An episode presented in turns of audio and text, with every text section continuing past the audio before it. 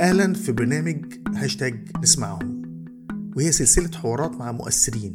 وفي كل حوار هنتعرف على شخصية مؤثرة منهم ونسمع قصتها ونستعرض خبراتها ونحاول نفهم سبب تأثيرها على الناس. وطبعا والمهم هو آرائها عن الواقع اللي بنعيشه وتنبؤاتها للمستقبل. أنا أحمد عزت مؤسس موقع إبتدي e b t d i dot com وتعالوا نسمع حلقة النهاردة من سلسلة هاشتاج نسمعهم. وائل عباس انت عندك أكتر من 62 مليون مشاهدة على يوتيوب عندك 290 ألف فيسبوك. متابع؟ ولغاية ديسمبر 2017 كان عندك 350 ألف متابع على تويتر. وطبعا حسابك اتوقف في تمام. في ديسمبر. انت مدون وصحفي مصري وانت عندك تاريخ طويل ابتدى يعني من من مدونة الوعي المصري. وعندك طبعا جوائز كتير من ال Knight لل Human Rights Watch البي بي سي إيه اللي ممكن تضيفه؟ على اللي قلته دلوقتي اللي بتحب بيه تعرف نفسك. أه والله أنا وائل عباس أه صحفي ومدون أو مدون وصحفي عشان أنا كنت مدون قبل ما أكون صحفي.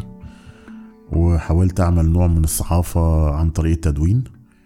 أعتقد وأزعم إن أنا عملت التدوين ال- الخبري قبل أي حد. أنا خريج أدب إنجليزي. اهتميت آه، بإن أنا أعمل في الصحافة بس لما جيت أشتغل في الصحافة وجدت إن الأمور مش مش زي ما أنا كنت متخيلها. فعشان كده حبيت أدخل لها دخلة تانية وهي ال- الدخلة بتاعت ال- التدوين. لأن لاحظت في الصحافة التقليدية اللي موجودة وقتها إن ال- الصحفيين عليهم رقابة وإن أنواع مختلفة من الرقابة يعني بما فيها الرقابة الذاتية ده غير بقى رقابة الرقيب نفسه والرقابه الدينية ورقابة المجتمع. فأنا ما حبيتش آه، إن الصحافة تكون متأثرة بهذا. ثانيا كان عندي نظرية في الصحافة وهي إنها تكون تفاعلية يعني آه، بتاخد من الناس وتدي للناس. آه، غير الصحافة التقليدية اللي هي عبارة عن أنت بت انت انت كمواطن عادي مجرد متلقي. بتتلقى الخبر ما بتتفاعلش وما بتعلقش ما بتقولش رأيك فيه ما ما بتكذبوش لو هو كذب كده يعني. وصف لي نشأتك. أنا من عيلة متوسطه يعني متوسطة طبقة متوسطة. آه والدي موظف حكومة. والدتي كانت مدرسة لغة عربية. ما نجحتش في إنها تحببني في النحو للأسف عشان كده الناس بتشوف إن أنا بكتب بالعربي بتاعي مش حلو قوي يعني. أنا كمان دارس ادب إنجليزي فده زود الطين بلة. فالعربي بتاعي بعد ما خلصت الكلية كان للأسف بكتب حاجات مزرية يعني. الحمد لله قدرت أصلحها دلوقتي. اتعلمت في مدارس حكومة. آه، أنا من منطقة منطقة حدائق القبة اللي هي كانت منطقة راقية وبعدين تحولت إلى منطقة شعبية حاليا. وشاهدت هذا التدهور يعني على مدى حياتي اللي هي 40 سنة أكتر من 40 سنة دلوقتي. عانيت شوية آه، والدي كان بيشوفني بيشوف لي مستقبل آه، مختلف عن اللي أنا اخترته لنفسي. هو كان بنكير فكان عايزني أشتغل في البنوك فأجبرني أخش كلية التجارة. فأنا سقطت سنتين عند معاه علشان مش عجباني الكلية ومش عايز أعيش حياتي أعد فلوس الناس. فحولت آه، لأدب إنجليزي. يعني على الأقل حاجة بحبها بما إن أنا ما عرفتش أدخل أي كلية من الكليات التانية ال- اللي ليها علاقة بالفنون. يعني كنت حابب قوي أخش آه، هندسة أو فنون تطبيقية أو فنون جميلة أو حاجة زي كده. يعني أنا دخلت على الإنترنت مثلا سنة 94 95 96 97 يعني في ال- في ال- في, ال- في منتصف التسعينات. ما كانش في حتى محتوى عربي تقريبا على الإنترنت. ما كانش في حتى كيبوردات عربي الناس بتكتب عليها. الناس كانت بتكتب فرانكو.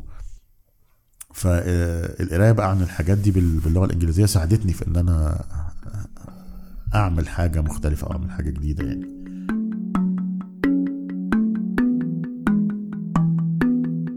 ابتديت آه، مدونة الوعي المصري؟ آه هي الوعي المصري ما كانتش أول حاجة خالص يعني. يعني أنا ابتديت آه، واحدة واحدة. آه، غرف الدردشة. بنتكلم في مواضيع بس الغرفة برضو مهما كانت كبيرة هي مقفولة علينا. إحنا عدد محدود من الناس. كنت بتستعمل اسمك ولا اسم مستعار؟ كنت بستعمل أسامي مستعارة. مم. ليه؟ أه لأن كانت الموضة كده. وبعدين واحد يكتب وائل أو وائل عباس ما مين ده؟ بكتب حاجة interesting يعني الناس كلها كانت بتكتب حاجات آه، تضحك يعني أو أسامي جذابة أو تشد يعني. يعني في أنا متذكر واحد كان اسمه أنا عاوز عروسة 180 سم ف آه، واحدة اسمها lips maker يعني آه، بوس يعني أو بوسة حاجة كده يعني. فكانت الأسامي بتشد. أنا كنت مسمي نفسي Beowulf.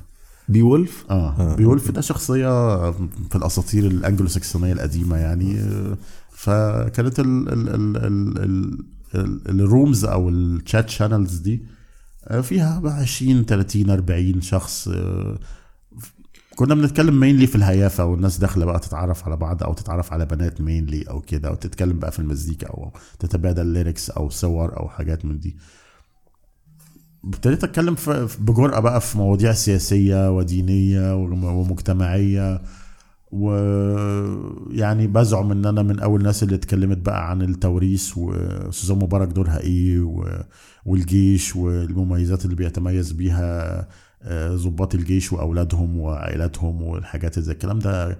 يعني كان في أول الألفينات مثلا كان الموضوع ده لسه تابو أو محدش يجرؤ يتكلم فيه.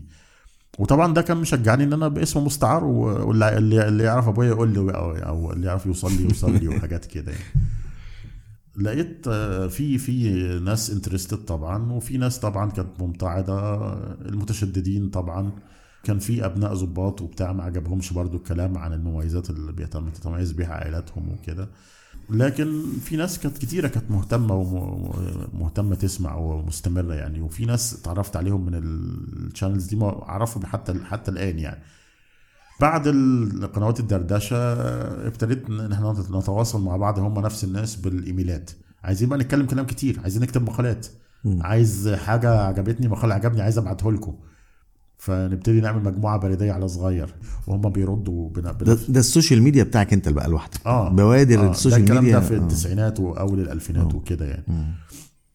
وبعدين ابتدت آه، ياهو على ما أتذكر بتقدم خدمة المجموعات البريديه مم.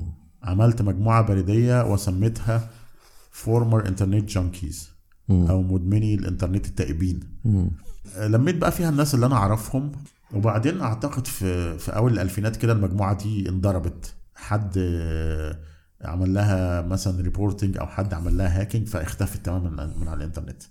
عملتها هي هي تانية بنفس الاسم. آه، كان فيها بتاع 40 ألف شخص أو كده. آه، وبعدين آه، ابتديت عايز أوصل ل audience أكبر. فده هيكون عن طريق إيه؟ إن يبقى في website طبعا أنا لسه ما كنتش قادر أعمل website لوحدي وأقدر إن أنا أنشرها بين الناس. ففين الأماكن اللي فيها already آه أعضاء كتير وناس كتير بتقرأ فيها؟ المنتديات. فدخلت ابتديت بقى أكتب على المنتديات الخليجية. هم أول ناس ابتدعوا المنتديات وابتدوا يستعملوها وكده. مش أول ناس يعني أول ناس في منطقتنا أو أول ناس عرب. قبل قبل ال blogosphere مصر. قبل ال blogosphere. الخليج ابتدى بال آه, آه الخليج وكان وكان dominated بال Islamists للأسف. أوه. كانوا conservative وما كانوش بيسمحوا بأي content يعني. كنت بحاول أزق عندهم يعني إن إحنا نتناقش شوية و... و...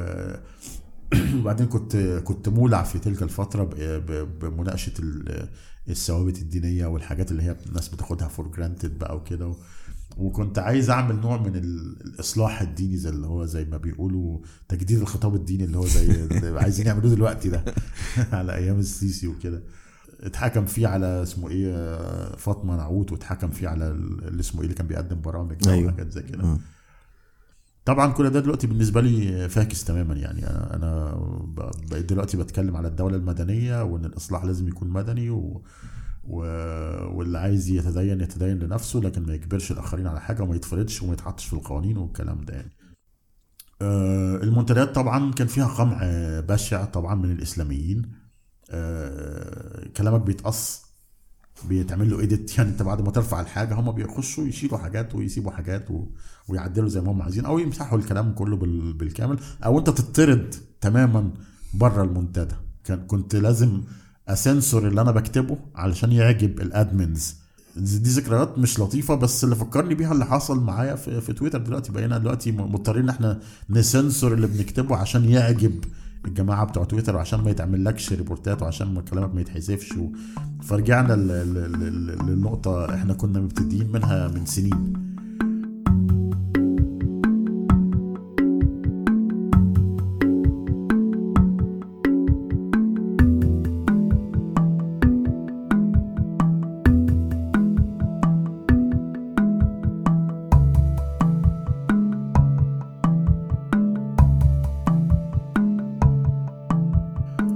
تاني رقابة لل admins دلوقتي بقى رقابة لمؤسسات ال social media. آه آه المؤسسة اللي مستضيفاك اللي بتسمح لك تنشر المحتوى بقت هي اللي إيه آه، بت- بت- بتسنسورك يعني. وبقت هذه المؤسسات طبعا بعد ما كانوا مجرد ناس هواة ونشطاء وناس غلابة زي حالاتنا كده عاملين مشروع وعايزينه ينتشر بعد إحنا لما نشرناه لهم وخليناه مشهور. بقوا بيتملعنوا علينا إحنا وبقوا بيميلوا أكتر لمصادقة رجال السلطة ورجال الأعمال وبقى عندهم أسهم بيبيعوها وناس بتشتريها. ده غير إن هم ابتدوا يفتحوا مكاتب إقليمية. مش عارف إيه الهدف من مكاتب إقليمية في المنطقة إلا إنها بتعمل علاقات عامة بقى مع الأنظمة اللي موجودة. طبعا إحنا عارفين النظام الحاكم في الإمارات عامل إزاي والنظام الحاكم في مصر عامل إزاي وكده. واختاروا مشا... بدل ما يختاروا دولة حرة زي اليونان مثلا أو زي آه، تونس أو زي بتاع لا راحوا يعملوا المكتب بتاعهم في دبي اللي هي بتسنسور الإنترنت بقالها من أول ما ربنا اخترع الإنترنت يعني. فده شيء آه، سيء. نرجع لتاني بقى ال- ال- الدنيا اتطورت إزاي. بعد المنتديات أنا قلت لا أنا عايز أعمل حاجة تبقى بتاعتي أنا. فعملت موقع آه، وحطيت عليه حاجاتي القديمة مقالاتي القديمة والحاجات دي. كان وائل عباس dot com على ما أعتقد وقتها يعني. بس ما كانش فيه التفاعلية اللي أنا عايزها ما كانش فيه الأخذ والعطاء ما كانش حسيت إن هو حاجة زي الجرايد اللي هو خد اقرأ وما ما تقولش حاجة يعني ما مش هتعرف مش هتعرف ترد علينا. كنت بنشر وكان كان في انتشار وكان في زوار كتير للموقع آه، لأن أنا كنت طبعا لسه موجود في المجتمعات البر... م- المجموعات البريدية ولسه موجود في ال... في, في قنوات الدردشة. والناس انتشرت الناس كانت بتتابعك وت- وتنتشر علشان كنت جريء. آه إلى حد ما. وناس كمان كانت بتتابعني عشان بتقول ده حد مريب. يعني في ناس اللي عرفتهم بعد كده يعني عرفتهم بعد عشر سنين مثلا من الموضوع يقول لك إحنا كنا فاكرين وائل عباس ده اسم مستعار. ان ده مش اسمك الحقيقي. أو إن أنت مخابرات وكنت بتجر الناس عشان أنت كنت بتتكلم في مواضيع ما حدش كان بيتكلم فيها ساعتها. كنت وقتها بتستعمل ألفاظ آه، بذيئة؟ لا. إمتى ابتديت تستعمل ألفاظ بذيئة؟ لما ابتديت أؤمن بإن اللغة لازم تتحرر هي كمان. يعني مبدئيا آه، الناس كلها كانت بتستخدم ال- ال- اللغة ال- ال- ال- الفصحى في الكتابة. ودي كانت بالنسبة لي حاجة زبالة قوي لأنها كانت بتنفر الشباب بتنفر الناس الصغيرين. أنا قررت أستعمل ال- اللهجة العامية اللي هو هتبقى سهلة على الناس تقراها. وتبقى سهله على الشباب بالذات اللي هو الاودينس بتاع ده الجمهور اللي أنا بتوجه له بالخطاب بتاعي. أنا جاي أكلمكم في حاجة آه، بنفس اللغة اللي أنتوا تفهموها. وده ده جاب مردود كويس. وجزء من اللغة دي هي ال- اللي هي الألفاظ جزء من اللغة دي طبعا الشتيمة. لكن أنا لما بكتب مقال أو كده ما ما بحط بحطش فيه الألفاظ دي. لكن الكلام ده بيحصل لما يبقى فيه مناقشة أو يبقى فيه حوار أو حد بقى يبتدي ي troll عليك أو يبتدي يقل ادبه عليك أو يبتدي يزيد عليك أو يزايد. اللي هي ظاهرة بقى البلطجة والتحفيل وال bullying وال trolling اللي ظهرت مؤخرا آه. على الإنترنت دي. وحفله بقى وتعالى ويلا نشتم بقى في وائل عباس أو نشتم في ايا كان بقى وكده يعني. مش أنا بس اللي بيتعمل فيها كده بس ناس كتير قوي بيتعمل فيها كده يعني. دخلت بعد كده عملت اللي هو ال blog. آه ال blog عملت اولا blog مع مجموعة من الأصدقاء. آه شفنا بقى ال blog ات في العراق وكده. وشفنا إنها تجربة كانت مسمعة وكده بس ال blog ات في العراق كانت عبارة عن آراء. الناس بتكتب آرائها يعني ومعظمهم مش في العراق حتى يعني كانوا بره بره العراق بيكتبوا آرائهم عن اللي بيحصل في بلدهم وكده. فأنا عجبتني الفكرة وعجبتني إن المدونات فيها تفاعل والناس بت comment وبتتفاعل والمدونين بيتفاعلوا هم كمان مع بعض. اختلفنا طبعا عشان في حد عايز يبقى يأدلجها أو يخليها تمشي بشكل معين أو عايز يستفيد منها بشكل مادي أو بشكل آخر. أنا ما عجبنيش ده. يعني تبقى أيديولوجية واحدة آه واحدة. آه يبقى ليها توجه إيديولوجي معين. وأنت ما عندكش توجه إيديولوجي؟ أنا حاليا يساري آه لكن آه حاليا. حاليا آه. لكن قبل كده آه، يعني ما كنتش كنت مؤمن آه بال بال بالعدالة الاجتماعية والحاجات دي بس برضو ما كنتش إيه كان عندي تحفظات على المنهج ال- اليساري والماركسي وال- والشيوعية والحاجات دي يعني. مم. بس أنا يساري حنين مش اللي هم بتوع الثورات والذبح وهنعلق الراسماليين والحاجات دي. يعني في ناس هنعلقهم أكيد يعني. بس مش بالشكل اللي هو العنيف بتاع الثورات اليسارية بتاعت زمان يعني. فعملنا ال- ال- المدونة اللي هي الجماعية دي وبعدين آه، زي ما قلت لك حصلت بقى مشاكل وكده واختلافات. فعملت المدونة بتاعتي الوعي المصري. ودي كانت بتاعتي أنا بس. كنت بعمل كده في صوت الشعب واستمريت عليه في في الوعي المصري. هي إن مش بكتب رأيي بس. آه، أنا آه كنت عاملها زي شبه جريدة إلكترونية وكنت بستقبل مقالات للناس أنشرها عندي.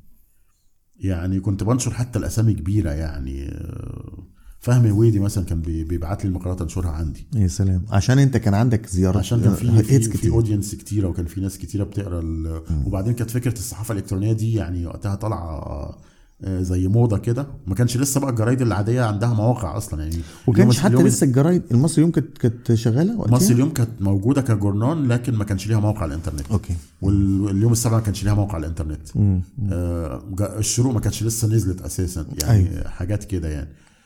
فكان الجرايد الإلكترونية آه، وكنا وقتها كنا كمان عندنا م- آه، بنعمل قلق في النقابة يعني كنا عاملين حاجة اسمها وحدة الصحافة الإلكترونية وبنتخانق عشان الصحافة الإلكترونية يبقى معترف بيها في النقابة والصحفي الالكتروني يبقى عضو في نقابة الصحفيين وحاجات زي كده. طبعا الموضوع ده فكس وفشل تماما دلوقتي. ما فيش الوحدة دي موجودة بسبب برضو خلافات أيديولوجية بين ناس كبار يعني مش ناس كبار يعني هم ناس يعني مطبلين كبار يعني. آه، وإحنا كنا متحمسين يعني للأسف إحنا كنا شغالين مع ناس مشبوهة عشان إحنا ما نعرفهمش أو ما نعرفش إن هم مش مش نضاف يعني. بس كنا متحمسين للقضية نفسها بتاعت الصحافة الإلكترونية يعني إيه ناس مشبوه؟ يعني مين مين مين الناس آه، في صحفيين مشبوهين. آه، بدون ذكر أسماء يعني. في ناس كنا فاكرينهم عشان أسامي كبيرة وبتلمع وكده وإحنا كنا متحمسين ليهم وماشيين وراهم. آه. آه، زي الهبل بقى. ما أنت لما بتكون داخل في مجال جديد ما بتبقاش عارف إن شيخ الطريقة ده نصاب أصلا يعني.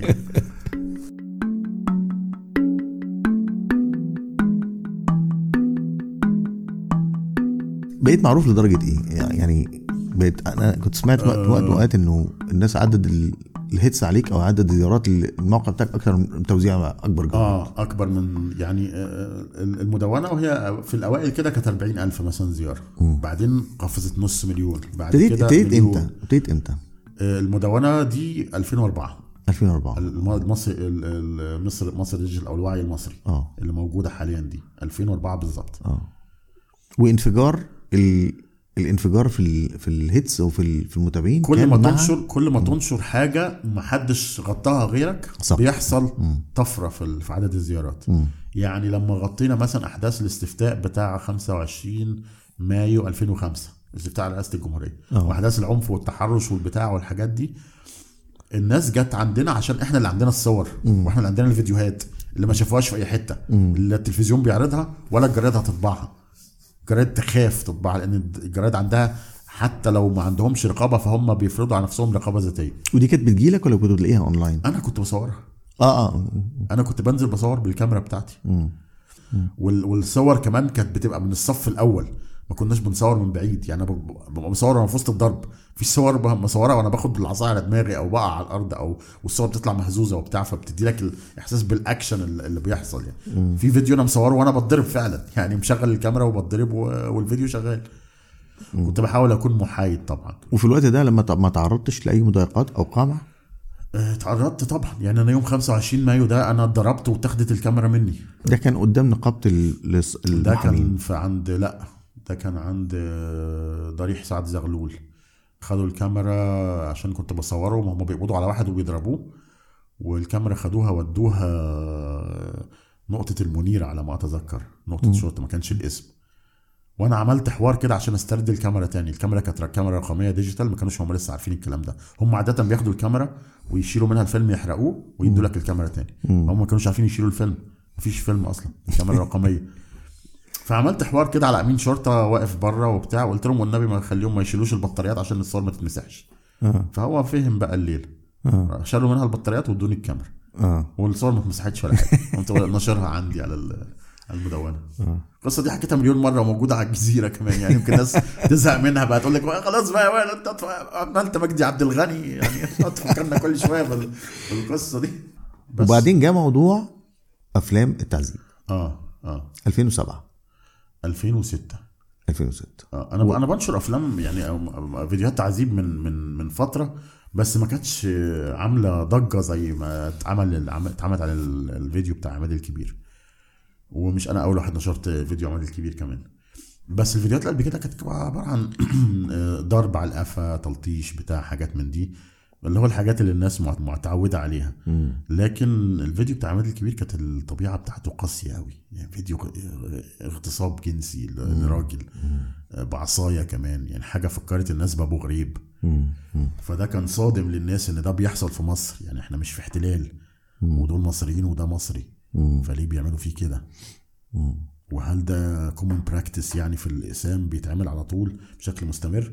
وليه صوروا أسئلة بقى كتير ابتدت تطر- تطرح وابتدى يبقى في كلام على منهجية الشرطة في التعذيب وكسر كسر النفس أو الإذلال لل- للمتهم.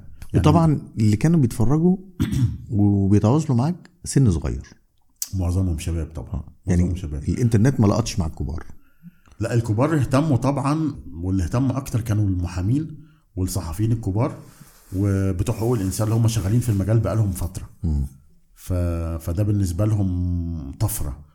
يعني أنا متذكر دكتورة عايدة سيف الدولة مثلا قالت لي آه، أنت ما حدش كان ما حدش كان بيسمع عننا قبل قبل أنتم ما تتكلموا عن حقوق الإنسان والتعذيب والحاجات دي. وهي بتدير مركز لعلاج ضحايا التعذيب وبتشتغل بقالها فترة على ال- على ال- الضحايا بتاعت. الحاجات دي. وقالت لي أنتوا عملتوا في في أقل من سنة اللي إحنا ما قدرناش نعمله مثلا في 10 سنين. صحيح. فدي كانت شهادة كنت بعتز بيها جدا يعني في وحسيت إن أنا اللي عملته كان فارق فعلا يعني. ولما كنت بتعمل بتذيع ال- الفيديوهات بتاعه التعذيب آه.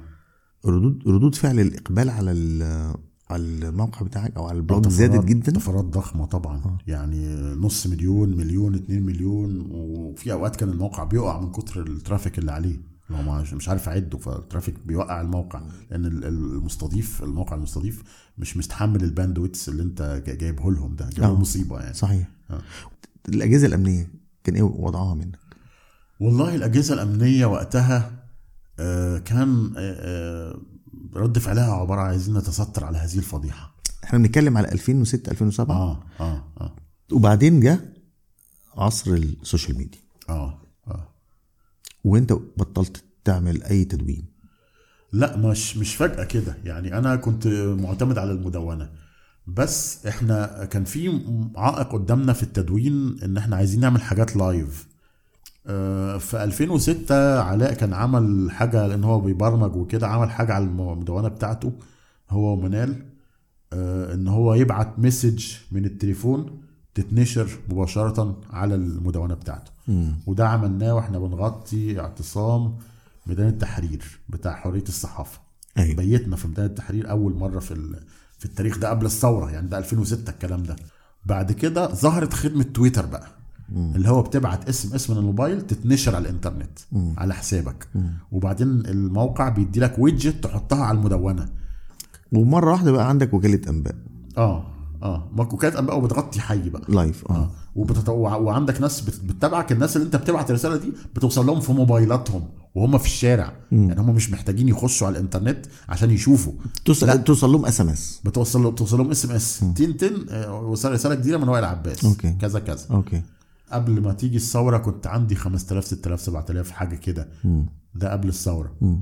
بس بعد الثورة بقى العداد عمال يعد. اللي هو الميدان والتحرير مين اللي هناك؟ وائل عباس. نعمل له follow نشوف بيقول إيه نشوف إيه اللي بيحصل. آه. مين اللي اتضرب؟ مين اللي اتقتل؟ مين اللي حصل إيه؟ عايزين أكل عايزين آه، ميكروكروم عايزين مش عارف إيه. يعني كده بقى. لحد ما العدد وصل قبل ما يتقفل ال account ل 351 ألف. وبعدين بعد كده ال social media آه بعد كده آه ابتدى يظهر الفيسبوك.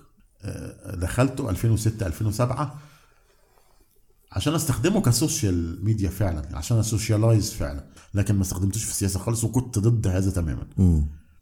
كنت ضد هذا لأسباب وجيهة اللي سبب اللي ثبت صحتها دلوقتي.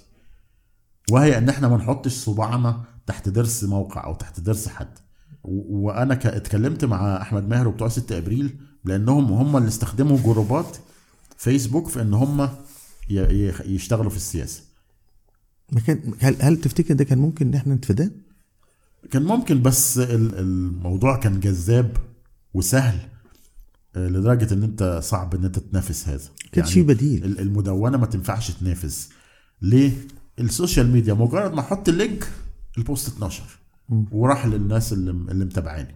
مجرد ما كتبت ال post خلاص رفعت الصورة بسهولة رفعت الفيديو بسهولة. وبعدين المدونة أصبحت مش محتاجها. المدونة مش مح... مش محتاجه هي هجرت شوية وبعدين بقيت بنشر less frequently عليها يعني. وال blogosphere كله داب. تقريبا آه.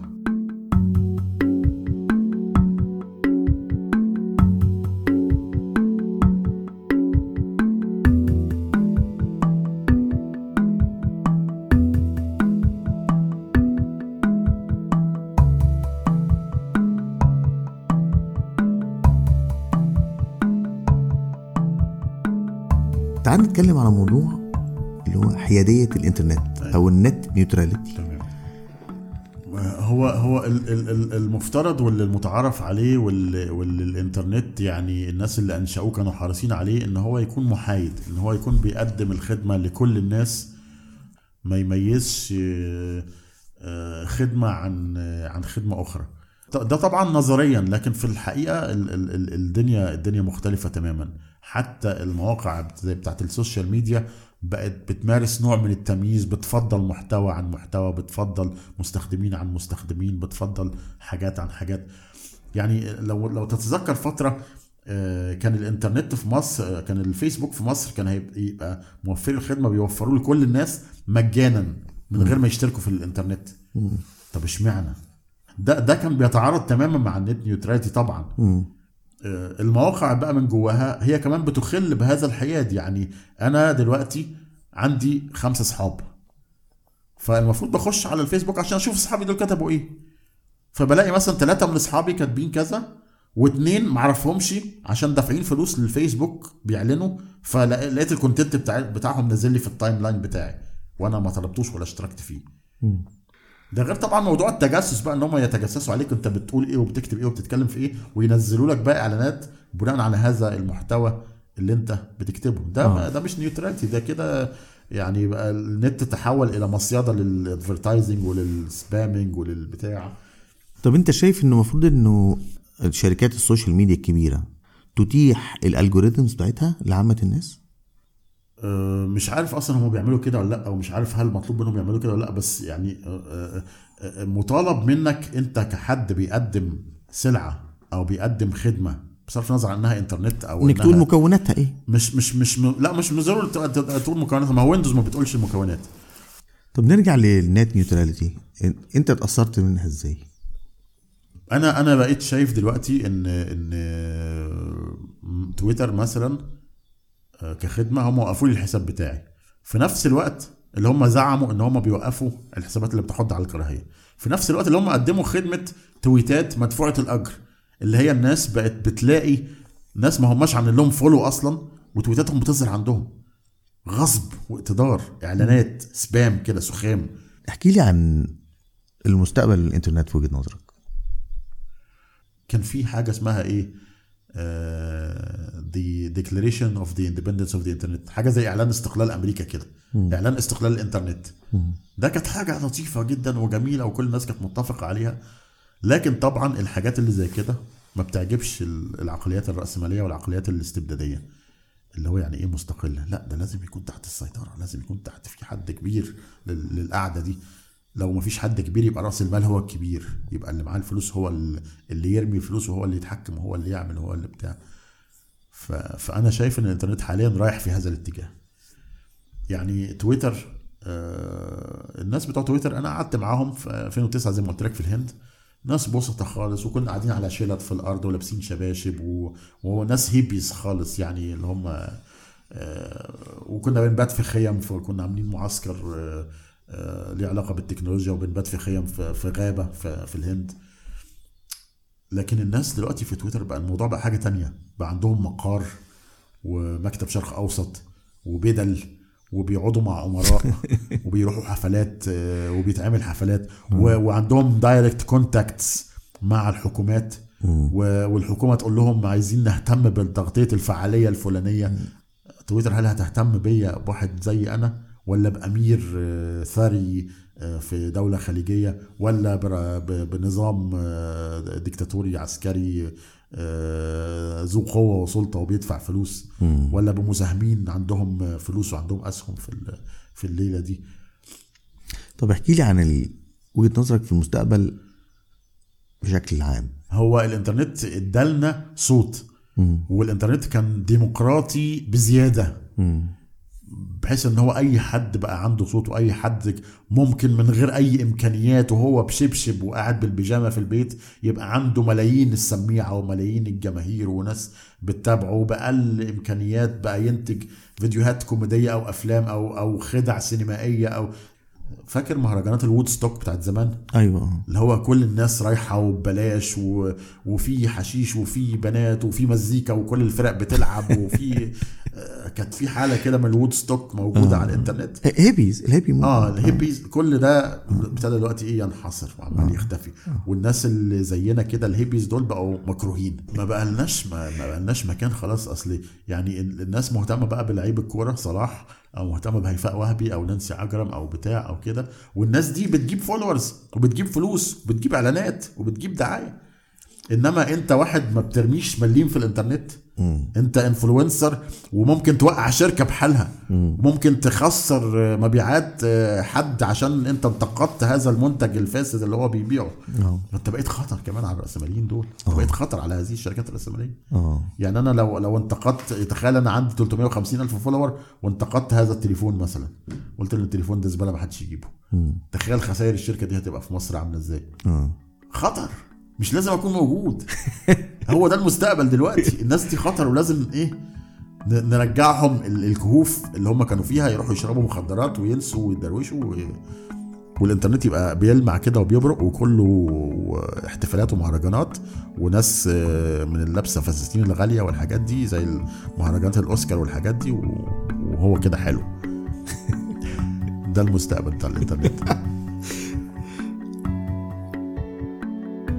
عشان نختاركم لما الحلقة الجاية تكون متاحة بندعوكم تعملوا subscribe لينا على iTunes أو Apple Podcast أو SoundCloud ابحثوا فيها عن i b t i d i أو هاشتاج نسمعهم. توصلكم الحلقة الجديدة بدون مقابل على تليفونكم المحمول أو أي جهاز متصل بالنت أول ما نرفعها. وممكن تتابعونا وتشاركونا بالرأي على صفحاتنا على فيسبوك وتويتر وإنستجرام وكل المعلومات دي موجودة على صفحتنا ibtidi.com وأخيرا لو عجبكم البرنامج مهم تعملوا rating على iTunes وممكن تشيروه. هاشتاج نسمعهم hashtag i b t i d i